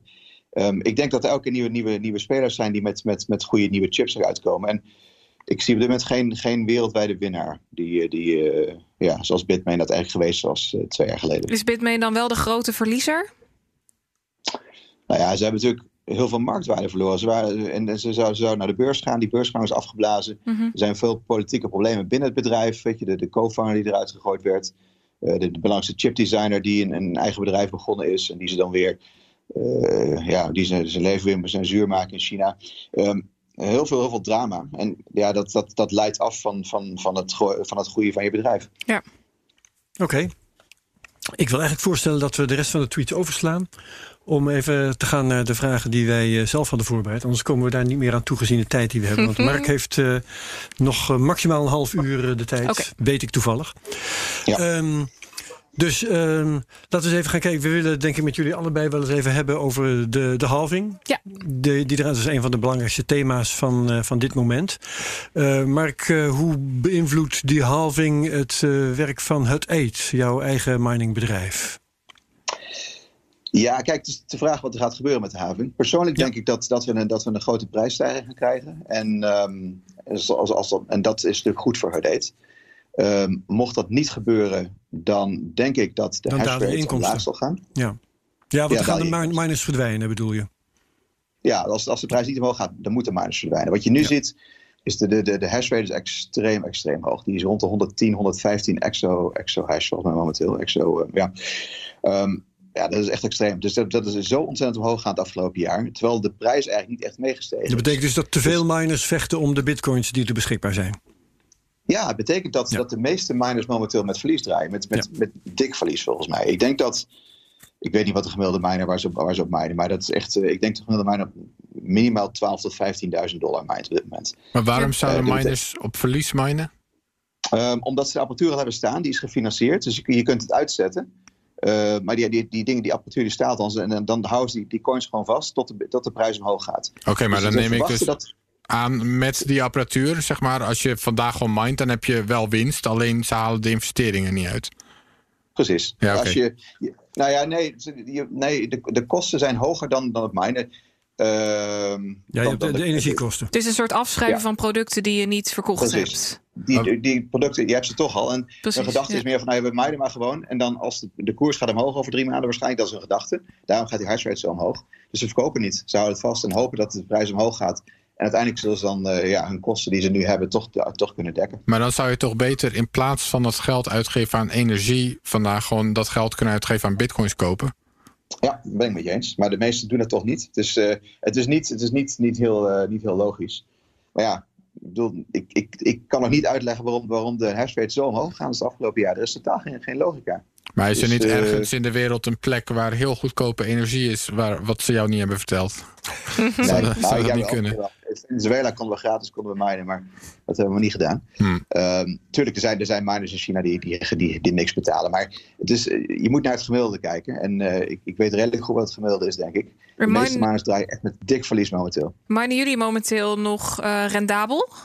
Ja, bij mij nog rendabel. Dat wel, dat wel. Maar, eh, Klinkt alsof ja, het niet je- overhoudt. Het is niet, niet zoals een paar maanden geleden. Dus eh, het wordt wel minder nu. Dus eh, ik wil, ja, wil, stel dat we niet, niet profitabel zouden minen, denk dat onze equipment gewoon uit zouden zetten tijdelijk. Dus als de Eh, prijs... dat, dat, dat, dat zie ik niet gebeuren nog hoor. Dan moet het nog wel een stukje, moet, moet de prijs een stuk omlaag gaan nog. Ja, oké. Of dus met de halving als de prijs niet omhoog gaat... dan zou je het misschien ook uitzetten. Ja, maar ik denk, we- omdat we veel efficiënter mijnen dan, dan vrijwel iedereen. ehm, dan, zou, ik, ik, dan zou volgens mij. Ik zou me echt verbazen als wij, de- als wij de eerste waren die de, de apparatuur uit zouden Ik zetten. denk proef hier- Veel, veel meer mensen. Ik proef hier een beetje alsof jij verwacht dat de hash rate strakjes weer omlaag gaat. Klopt dat? Ik denk het wel, ja. Ik, Ja. Ik, ik, denk dat, dat de, nou, ik denk dat twee dingen gebeuren. De prijs gaat omhoog, niet zo, niet zo hoog als mensen verwachten. Mhm. Ehm, maar ik denk ook dat de, dat de prijs niet zo ver omhoog gaat dat, dat de meeste miners kunnen overleven. Dus ik denk dat veel, veel miners hun, hun apparatuur uitzetten. Dus dat de hash rate weer verder omlaag gaat. Oké. Ja, en eh, eens even kijken. Dus als, eh, eh, even kijken, als de, die halving eh, er is, dan gaan de, de, eh, de eh, beloning gaat omlaag.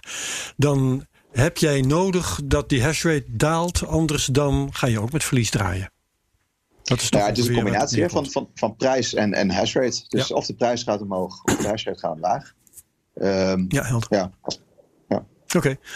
Ehm, eens even zien, moeten we hier nog meer? eh, Ik denk niet dat- we hier voorlopig wel eh, mee klaar zijn. Hè? Eh, China's nieuwe digital currency hebben we het over gehad. Ik eh, zit even hard op te denken. Laten we het over de Libra gaan hebben. Eh, Libra hebben we het de vorige keer met jou ook over gehad, eh, Ja. Mark. Toen was je Ja. daar eigenlijk best positief over. Intussen is eh, nou, de positiviteit over de Libra is wel zo'n beetje van de markt verdwenen. Hoe denk je er nu over? Nou, ik blijf erbij dat, dat Libra eigenlijk toch too big to fail is waarschijnlijk. En dat het, uit, dat het wel gaat, dat, dat Libra ook dit jaar toch gaat launchen. Ehm, op een andere manier dan we, dan we verwacht hadden. Eh, denk ik. Ik vraag me niet hoe, want ik wil, ik, dat weet niemand op dit moment. Maar ik, ik, ik geloof niet dat Libra, dat Libra ermee ophoudt. Eh, achter de schermen gebeurt er extreem veel. Ook vorige week in Davos weer zijn heel veel dingen gebeurd met, met, met Libra, waarbij toch wel gesproken is met, met, met, met, met central bankers. En eh, ik, ik, ja, ik heb het gevoel als ik met de, met de mensen van Libra praat, dat ze, ja, ze zijn in ieder geval nog, nog steeds best wel positief over, over een project. Ja, Ben jij ook Heel- nog steeds zo, zo positief? Ja, maar op een andere manier dan, dan, dan, dan, dan, dan een half jaar geleden. Ik denk dat, dat Libra gewoon de fout gemaakt heeft. Dat ze gewoon te lang gewacht hebben. Ze, ze hebben niet als een start-up ge- geageerd, maar ze wilden te politiek correct zijn. Eh, ze, wilden, ja, ze wilden het vanuit Amerika lanceren. Nou, dat, is, dat gebeurt niet. Het wordt nu, wordt nu eh, Zwitserland. Mhm. Ehm, en ja, ze, ze, ze, ze zijn natuurlijk onderdeel van, van, een, van een consortium van grotere bedrijven. En dan gaan dingen langzamer. Als het gewoon, een, als het gewoon ondernemers geweest waren, hadden ze al lang gelanceerd en hadden ze dingen aangepast eh, along the way. Ehm, maar ja, goed, het, het, het, het gaat, het komt wel. Ik denk dat, dat dit jaar dat er een Libra gelanceerd wordt. En ja, of dat dan een, een gewone stablecoin is gebaseerd op, eh, op de US dollar, of dat het meerdere stablecoins zijn. Dus de vraag, niemand weet het precies. Mijn, mijn verwachting zelf is dat het, dat het een, een, een aantal verschillende stablecoins zijn. En, en, nou, nee, nee, losse stablecoins. Maar dat je dan een, ook een gecombineerde kan krijgen. Waarbij die mandjes gecombineerd worden in één Mhm. stablecoin. Dat zou dan de originele Libra geweest zijn. Aaron, eh, ik verwacht niet dat jij veel sympathie hebt voor eh, Libra, maar wat verwacht je dat er ga- mee gaat gebeuren? Nou, ik heb er ook niet veel antipathie tegen hoor. Nee? Dat maakt me gewoon niet uit. Oké, niet relevant. Nee, nee om dezelfde reden die ik net gaf bij de Ri- Rimini. Ja, ja, ja. Eh, het interessante van Bitcoin vind ik de limited supply resistant Ja, payments. Libra gaat geen van beide bieden, dus niet interessant in mijn Nou ja, ogen. in, in zoverre, dat, dat, is, dat is wat ik dan denk. Eh, als eh, mensen, doordat Libra eh, heel makkelijk verkrijgbaar zal zijn, heel makkelijk uitwisselbaar zal zijn, want allemaal automatisch een wallet bij Facebook en zo, gaan mensen leren om eh, puur digitaal geld eh, te gebruiken in de vorm van Libra. En zal dat hun mogelijke belangstelling voor Bitcoin voorkomen. Ja, maar Mark had het er net al over dat in China iedereen alleen maar WeChat en Alipay gebruikt. Dat is ook allemaal digitaal. En, Ja. en hier is mijn bankrekening ook digitaal. En ik, denk dat die psychologische grens is niet Het zo heel groot. mee. Maar misschien dat andere mensen dat wel zo ervaren. Ik, ik vind, zoals ik net ook zei, wat interessant is aan Bitcoin is niet dat het digitaal is. Ik ben eigenlijk nog ja. Oh, ja, sorry Mark. Ja, sorry. Ik, ik, denk, ik, denk, ik denk dat het, dat het aan tegenovergesteld is. Ik denk juist dat als Libra gelanceerd wordt, dat het goed voor Bitcoin is. Omdat je wallets krijgt waarbij mensen dus die Libra's in een wallet hebben zitten. Eh, Maar, die, maar ze kunnen in dezelfde wallet ook Bitcoin kopen. Dus je gaat zien dat als mensen zich realiseren dat, Bitcoin omhoog blijft gaan terwijl Libra sta- stabiel is, dat ze misschien een klein deel van hun Libra's om gaan zetten in Bitcoin. En dat, dat leidt tot, tot toegenomen vraag. Dat zijn mensen, sorry, dat zijn mensen die, ehm, die anders geen Bitcoin gekocht zouden hebben. Dus er komen nieuwe mensen bij die, eh, die, Ja. die Bitcoin gaan kopen. Maar zou Facebook die val voor zichzelf gaan zetten? Dat ze in die wallet die ze aan iedereen geven ook een hoekje voor Bitcoin maken? Dat verwacht ik eigenlijk helemaal niet. Ehm, ik denk dat de markt met, met wallets komt waar, waar het maar mee dat kan. Ik Ja. geloof niet Ja. dat Bitcoin, het, eh, het wordt gewoon een open source wallet volgens mij hoor. Dus dat is, eh, Ja. dat is geen enkel probleem.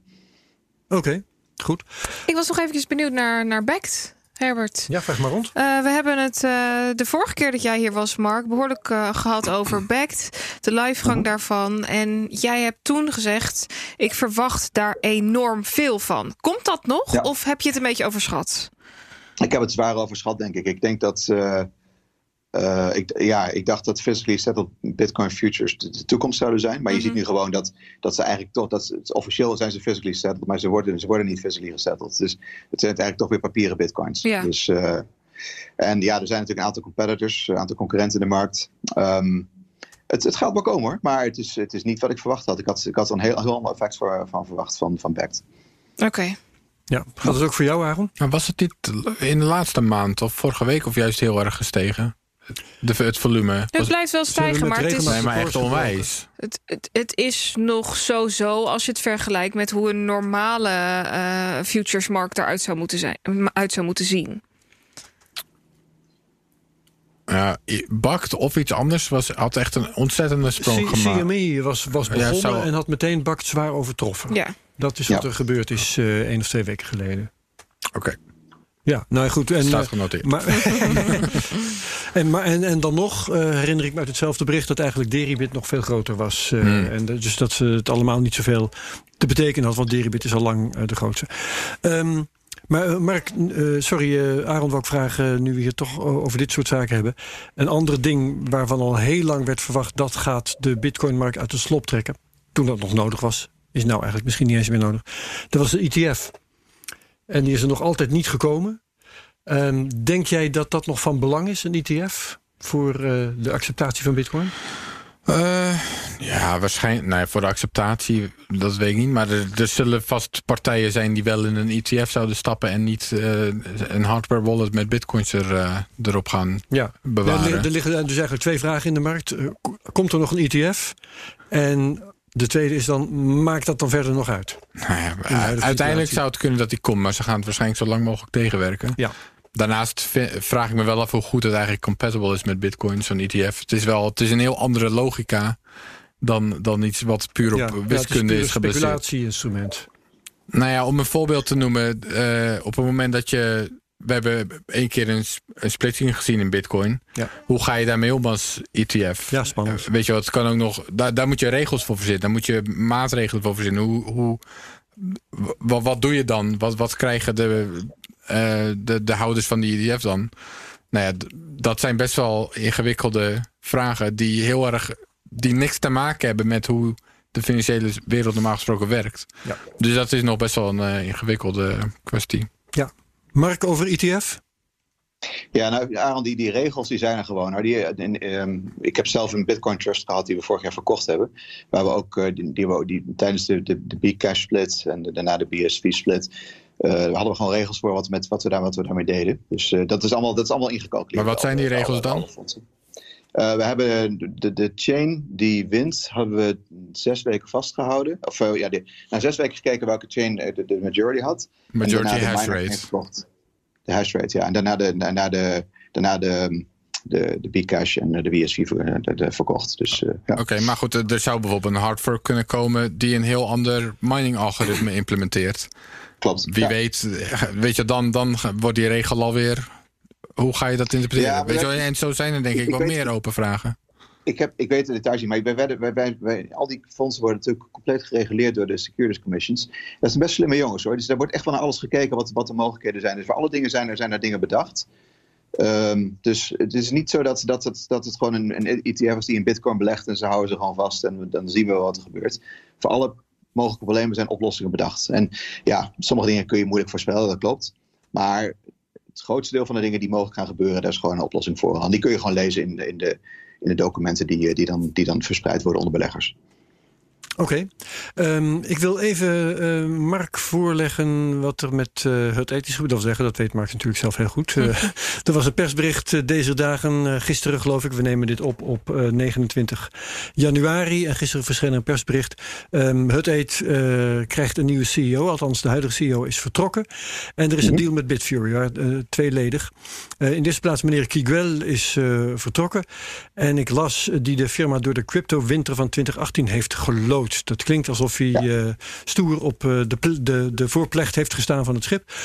Eh, wat is de inbreng van, van Kiguel geweest?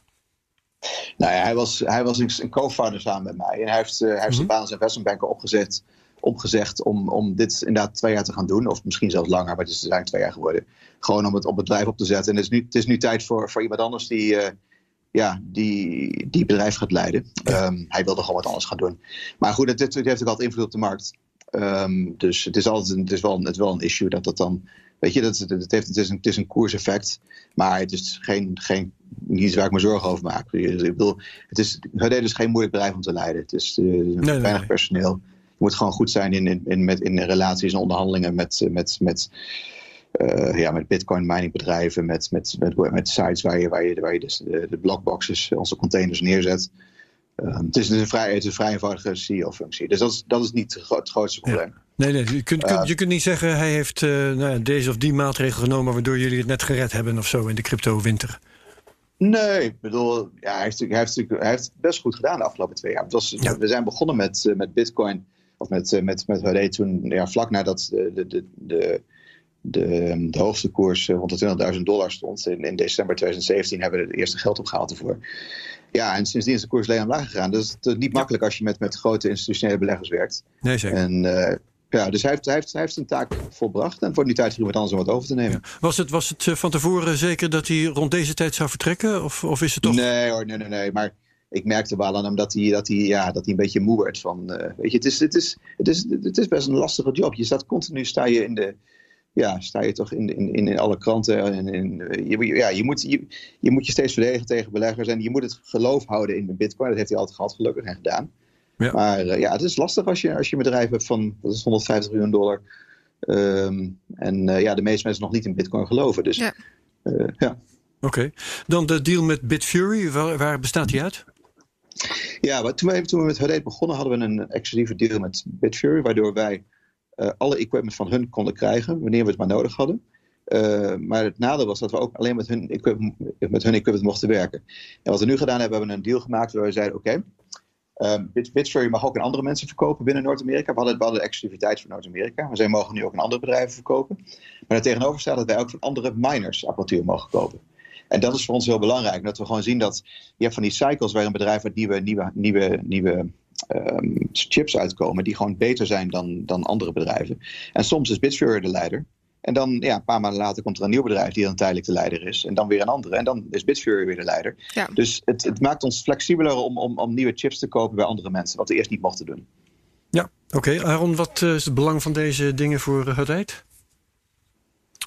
Sorry, van welke? Dat, ze, dat, dat lijkt me positief voor het eet. Ja, dat- dat, dat- dat ze op de open ja. markt mogen opereren. Daar komt het op neer, toch? Ja. Ja. Ja, precies. Heb je mijn mening daarvan nodig? Ja, Ja, dat Ik heb er niet zoveel eh, inter- Oké. nuttigs aan toe te voegen. Nee, lijkt Goed me zo. goed, eh, goed bezig, Mark, Ja, denk ik ik. dacht, ik, ik pleeg even wederhoor. Dat kan Nee, eh, Ik ben nog heel eventjes benieuwd, Mark. Ik hoorde jou net iets zeggen over het coronavirus. eh, dat je je er best wel een beetje zorgen over maakt. Hoe, hoe groot is jouw zorg? Want je ja, hebt natuurlijk je tentakels zeg maar, in, in China zitten.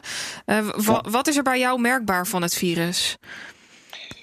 Nou, ja, veel van mijn vrienden wonen in China. Mijn, en mijn familie woont ook in China. Mhm. en, mijn kinderen wonen daar. Dus ik, ik, ik zie gewoon dat, dat, dat die, ja, die komen hun huis niet meer uit. Eh, die durven niet meer, niet meer de binnenstad in. Die nemen geen taxis meer. Alle restaurants zijn dicht. Eh, alle scholen zijn dicht tot minimaal 17 februari. Dus nog drie weken. Zo. Ehm, ja, en mensen, dat, dat, daar hoor je weinig over. En de meeste, de meeste bedrijven gaan niet meer open vanaf maandag. Want het het Chinese nieuwjaar is nu voorbij. Maar eigenlijk wordt er gezegd van ja, we, blij- blijf maar gewoon thuis. Fabrieken het- die, die kunnen... Hoe zit het met de winkels en eh, eten, voedsel? Is dat op voorraad? Ehm, de winkels, de, de, de grotere winkels zijn redelijk bevoorraad. Maar je moet om zeven uur s ochtends komen als je verse, verse vegetables, eh, verse groenten wil hebben bijvoorbeeld. Dat wordt weinig meer aangevoerd. Mhm. Ehm, maar ja, op termijn wordt dat ook een probleem. Dat, eh, dus, dus er komen vrijwel geen trucks de stad binnen, binnen want ja, die moeten door, die, door, de, door de checkpoints heen. Ehm, en ik, ja, ik, ik denk dat het veel extremer is dan de mensen, dan de mensen in de westerse wereld denken. En, eh, dus ik maak me daar zorgen over. En ik denk zelfs dat het ja, best wel uit kan gaan breiden, ook, ook in de westerse wereld. En, in, in Nederland zijn er nog geen gevallen bekend volgens mij. Maar Mhm. in Canada, uitvallen in Vancouver was gisteren een nieuw geval. Ehm, ja, eh, je merkt ook hier in de restaurants. Ik had gisteravond had ik een event bijvoorbeeld met, met, met van een corporate event met, met investeerders. Nou, er was geen enkele Chinese investeerder. Niemand komt meer. Die zeggen van jongens, het is goed. Ik blijf gewoon thuis. Ik wil Ja. geen risico lopen dat, dat, dat er iemand bij staat die uit China komt. Dus je begint het ook hier te merken nu. En vrees jij ook om weer terug naar China te gaan? Is dat überhaupt de komende periode nog mogelijk voor jou? Eh, het is mogelijk, alleen toevallig, ik, kreeg net, ik zou eigenlijk over twee weken gaan. Maar ik kreeg net van Air Canada te horen dat, te horen dat mijn flight eh, gecanceld is. Dus eh, ik kan niet gaan. Maar goed, ik, ik kan omboeken op een andere vlucht. Maar het is, het is goed mogelijk dat, dat alle vluchten gewoon gecanceld worden. Je ziet al dat British Airways niet meer op China vliegt. Ehm, je ziet het, eh, de Amerikaanse airlines eh, willen mogelijk stoppen met, met vliegen op, op, op China. Ja, dat heeft een, een gigantisch effect op de wereldeconomie. Ja, want zou dit een, een, een black swan kunnen zijn eh, als we kijken naar de aandelenmarkt, de edelmetalenmarkt en wellicht ook bitcoin? Je bedoelt een trigger voor een Ja. crisis. Eh, ja, iets, iets- bijvoorbeeld 9-11 was een black swan als Ja, in iets Ja. wat gebeurt terwijl je het niet ziet aankomen. Ja. Ja, ik, ik denk het wel. En je, ik, nou ja, goed, maandag zagen we het even toen na een- het weekend werd, werd, werd, het, werd het steeds erger, het, het virus. En maandag gingen de beurzen behoorlijk omlaag en bitcoin behoorlijk omhoog. Maar ja, daarna zie je toch dat dinsdag de, de, koers weer omhoog gaan. Gewoon dat, dat er te veel geld in de markt is. Ja. Beleggers moeten iets met hun geld doen. Ze kunnen de aandelen wel verkopen. Maar ja, dan de volgende dag zit je, heb, je met, heb je geld op je bank staan. Dank u wel. Dus- centrale bank. ja, net dat, Ja. dat is echt een probleem. Het is echt belachelijk wat er erbij gedrukt wordt. Dus dat is de enige reden dat er nog geen crisis is. Oké. Ehm, wil ik het, als je klaar bent over het eh, coronavirus... dan Ja, ik laat het eventjes rustig ja, bezinken. Even rustig eh, betijen. Ehm, wat ik wil nog graag met jullie hebben over eh, het nieuwe artikel van Plan B. Is alweer, wel weer een weekje oud. Ehm, kijk eerst maar eens eventjes naar Aaron. Dat gaat over de eh, hypothese van de efficiënte markt. En om het, om het lang vaak kort te maken... het gaat over de vraag of de... eh, verwachte effecten van de halving in mei eigenlijk al zijn ingeprijsd in de markt. ja. Oké. Wat beweert plan B en, en wat vind jij daarvan? Eh, nou, het is alweer twee weken geleden dat ik dat artikel heb gelezen hoor. Maar eh, als ik zijn argument goed begrijp, dan zegt hij. In feite, ik vond het trouwens best een interessant artikel. Maar Ja. oké, als ik zijn argument goed begrijp, dan zegt hij ehm, dat investeerders die gaan uit van de efficient market Theory, ja. hypothesis. ja. Dus, ik kan, ik kan dat, ik kan dat Ja. woord nooit uitspreken. Hypothese, joh. In het Ja. Nederlands gewoon. Eh, daar gaan ze vanuit. Ehm maar eigenlijk is het niet zo. Eigenlijk is Uh-huh. het niet ingeprijsd, maar doordat ze ervan uitgaan, gaan, dan gaan ze naar risico's zoeken. Van oké, waarom, waarom is Bitcoin zo goedkoop of duur? Zeg ik het goed om? Nee, ja, sorry, ik leg het heel slecht Ja. uit. Maar het is Ja, een beetje deze- een De cirkelredenering. in mijn- efficiënte markttheorie bedoel jij. En dat houdt in dat beleggers altijd eh, emotioneel handelen. Nee, juist niet. Eh, rationeel. Rationeel. Rationeel Ja. handelen. Ja, Ja, precies. precies. Ja, dat bedoel ik. En dat, zou nu, zo. en dat zou nu dan dus niet zo zijn. Alleen ik kan niet echt een reden ontdekken waarom dat dan niet zou zijn. Nou, niet dat uit het juist artikel. ja, Maar- Mark weet het, denk ik. ik weet het. Nou ja, nee, zoals ik het lees, is, kijk, wat hij eigenlijk zegt is... de markt overschat de risico's die bitcoin heeft. Dus de, de, de, de beleggers zij, denken dat er veel meer risico's zijn dan er in werkelijkheid zijn. Ehm, en om die reden eh, verwacht hij dus dat als die risico's wegvallen... bijvoorbeeld ze verwachten een grote minor capitulation bij de halving. Ja. Ik dacht niet, denk niet dat die gaat gebeuren. Als dat risico wegvalt... eh, betekent dus dat de prijs keihard omhoog gaat. Omdat dan de beleggers plotseling dat risico niet meer zien en dan gaat de prijs omhoog. Om die reden zal er naar de having toch een increase in prijs komen. Ondanks het feit dat hij denkt dat de efficiënte markthypothese eh, wel geldig is. Ja, oké, maar wacht even. Persoonlijk- Dus, eh, dus hij zegt dat, dat investeerders het risico te hoog inschatten. Maar Ja. mijn vraag is dan, ja, maar waarom dan? Want dat is dus juist wat de, de efficient market model. Hypothese. Dus Theorie, klopt daar iets niet. En dan wil ik dus juist weten, oké, maar waarom dan niet? Wa- waarom Wat is er klopt het dan nu niet? Ja. Ja. Ja. Nou, de efficiënte markthypothese zegt dat, dat, de, dat alle informatie in de markt zit. Maar het zegt niet dat iedereen dezelfde mening over de markt heeft. Het is een gemiddelde van iedereen. Ja. In dit geval, als je naar de having kijkt, het ging om de having, maar wat gaat er gebeuren als de, als de having plaatsvindt? Nou, zijn theorie is de prijs gaat hard omhoog vanwege de, de sto- stock-to-flow model. En hij, hij beargumenteert dat met, eh, met, door te zeggen dat heel veel beleggers geloven dat er een groot risico aan de having zit. Maar als die having dus gewoon gebeurt en dat risico, dat, dat, dat, dat, dan is het risico weg, want dan zie je dat het, dat het niet klopte. Nou, dan, is dus, dan gaat de prijs hard omhoog, want dan is, dat, dan eh, is uit de markt het risico verdwenen en moet de prijs omhoog gaan. Ja, dus dat- de markt dat- overschat het risico. Helemaal mee eens. Maar dat beantwoordt nog niet de vraag waarom de markt dan het risico overschat. En of de markt überhaupt wel het risico overschat. Misschien is er inderdaad wel een groot risico en zijn wij te optimistisch. Nou, dat kan. Dat is, dat is goed mogelijk. Maar hij had, hij had een poll gedaan op Twitter. Waarbij hij dus mensen vroeg van Bitcoin-investeerders: van wat denken jullie? Wat is het risico bij de having? Waarbij de helft, geloof ik, gezegd had: van ja, er komt een Bitcoin miner capitulation. Ja, oké, nee, dat, nou dat goed. is waar. Ja, ik vind dus een Ja. Twitter-poll, ja, ik kijk er haast biased. overheen, Ja, is- zeg maar. Omdat dat, dat vind ik heel, wel heel erg onwetenschappelijk. En hij, hij gebruikt het voorbeeld van een portefeuille met 99% eh, fiat en 1% bitcoin. En dan kijkt hij naar eh, het, de performance daarvan in het verleden. En dan is hij zo off the charts vergeleken eh, bij de lijn die normaal gesproken risico en ehm, Rendement, ja. rendement met elkaar verbindt. ja. Dat hij daar conclusies uittrekt voor de toekomst. Ja, maar, eigenlijk- maar mijn probleem daarmee is dan toch wel dat we maar tien jaar aan data hebben. En ik misschien. Heel weinig. Ja, ja. ik, ik, maar hij is statisticus, dus misschien heeft hij daar veel betere redenen voor waarom dat wel op zou gaan. Maar het lijkt mij een te korte tijdspanne om nu al maar- dat soort conclusies te maar trekken. twee halvings. Waar we Nou ja, precies, ja. Dat klopt. Dus jij bent daar wel kritisch over. eh, voor de, Ja, wel een beetje. de Ja. redenering, ja. Mag ik nog een keer, want ik hoorde jou ademhalen. Oh ja, ik, ik haal er gewoon door. nee, maar, ik, ho- ik hoorde Nee, je in de maar zin kijk- beginnen. Ja, ik, nee, ik, geloof, ik geloof zelf niet heel erg in de, in de, de, in de efficient market hypothesis. Eh, ik ben weliswaar bedrijfseconoom en ik heb, ja, als, als onderdeel van mijn studie heb ik ook in moeten geloven. Maar als ik kijk naar, naar, naar de bitcoin-markten, het feit dat technische analyse relatief goed werkt voor bitcoin, betekent gewoon dat de efficient market hypothesis ja, niet volledig opgaat, in ieder geval voor, eh, voor bitcoin. Dus ja, het is, eh, het is minder efficiënt, denk ik, dan, dan voor, andere, Ja. voor andere markten. Oké. En dat is ook een Nee, Oké, maar, dat, maar dat het minder efficiënt is, dat zou kunnen. En dan zou dat een verklaring zijn. Want de, de, Nou ja, ja, maar goed. Kijk, Plan B zegt zelf dat hij wel in de E EMH, EMH gelooft. Ehm, en nou ja, daarom zoekt hij een reden om te, om te kunnen zeggen dat. Wat, wat zou, als een stel nou zegt, zegt, stel dat nou het EMH klopt. eh, Exponential wat moving moet er average. gebeuren om, om, om, om, omdat de prijs toch omhoog kan gaan naar de having? Want het zou in Ja. theorie niet moeten kunnen dan. Ja. Zijn antwoord is dan dus inderdaad van, nou ja, de, de markt overschat het risico. Oké. Daar houden we het bij. Eh, want volgende week gaan we het hier ook weer over hebben. Daar zal ik zo nog op terugkomen. Mhm. Ik moet eerst even van jou weten, Madelon. eh, heb jij nog belangrijke vragen liggen? Eh, nou, ik heb nog heel veel vragen, maar volgens mij zijn we door de tijd heen. Dus Mark die moet zo weer, weer door. Precies. Ik vraag even aan Aaron. Zijn er nog hele belangrijke dingen die jij wil bespreken? eh, nee, ik had. nee, ik ben hier niet met een. eh, Met een boodschap gekomen. nee, precies. nee. Oké. Mark nog iets kwijt?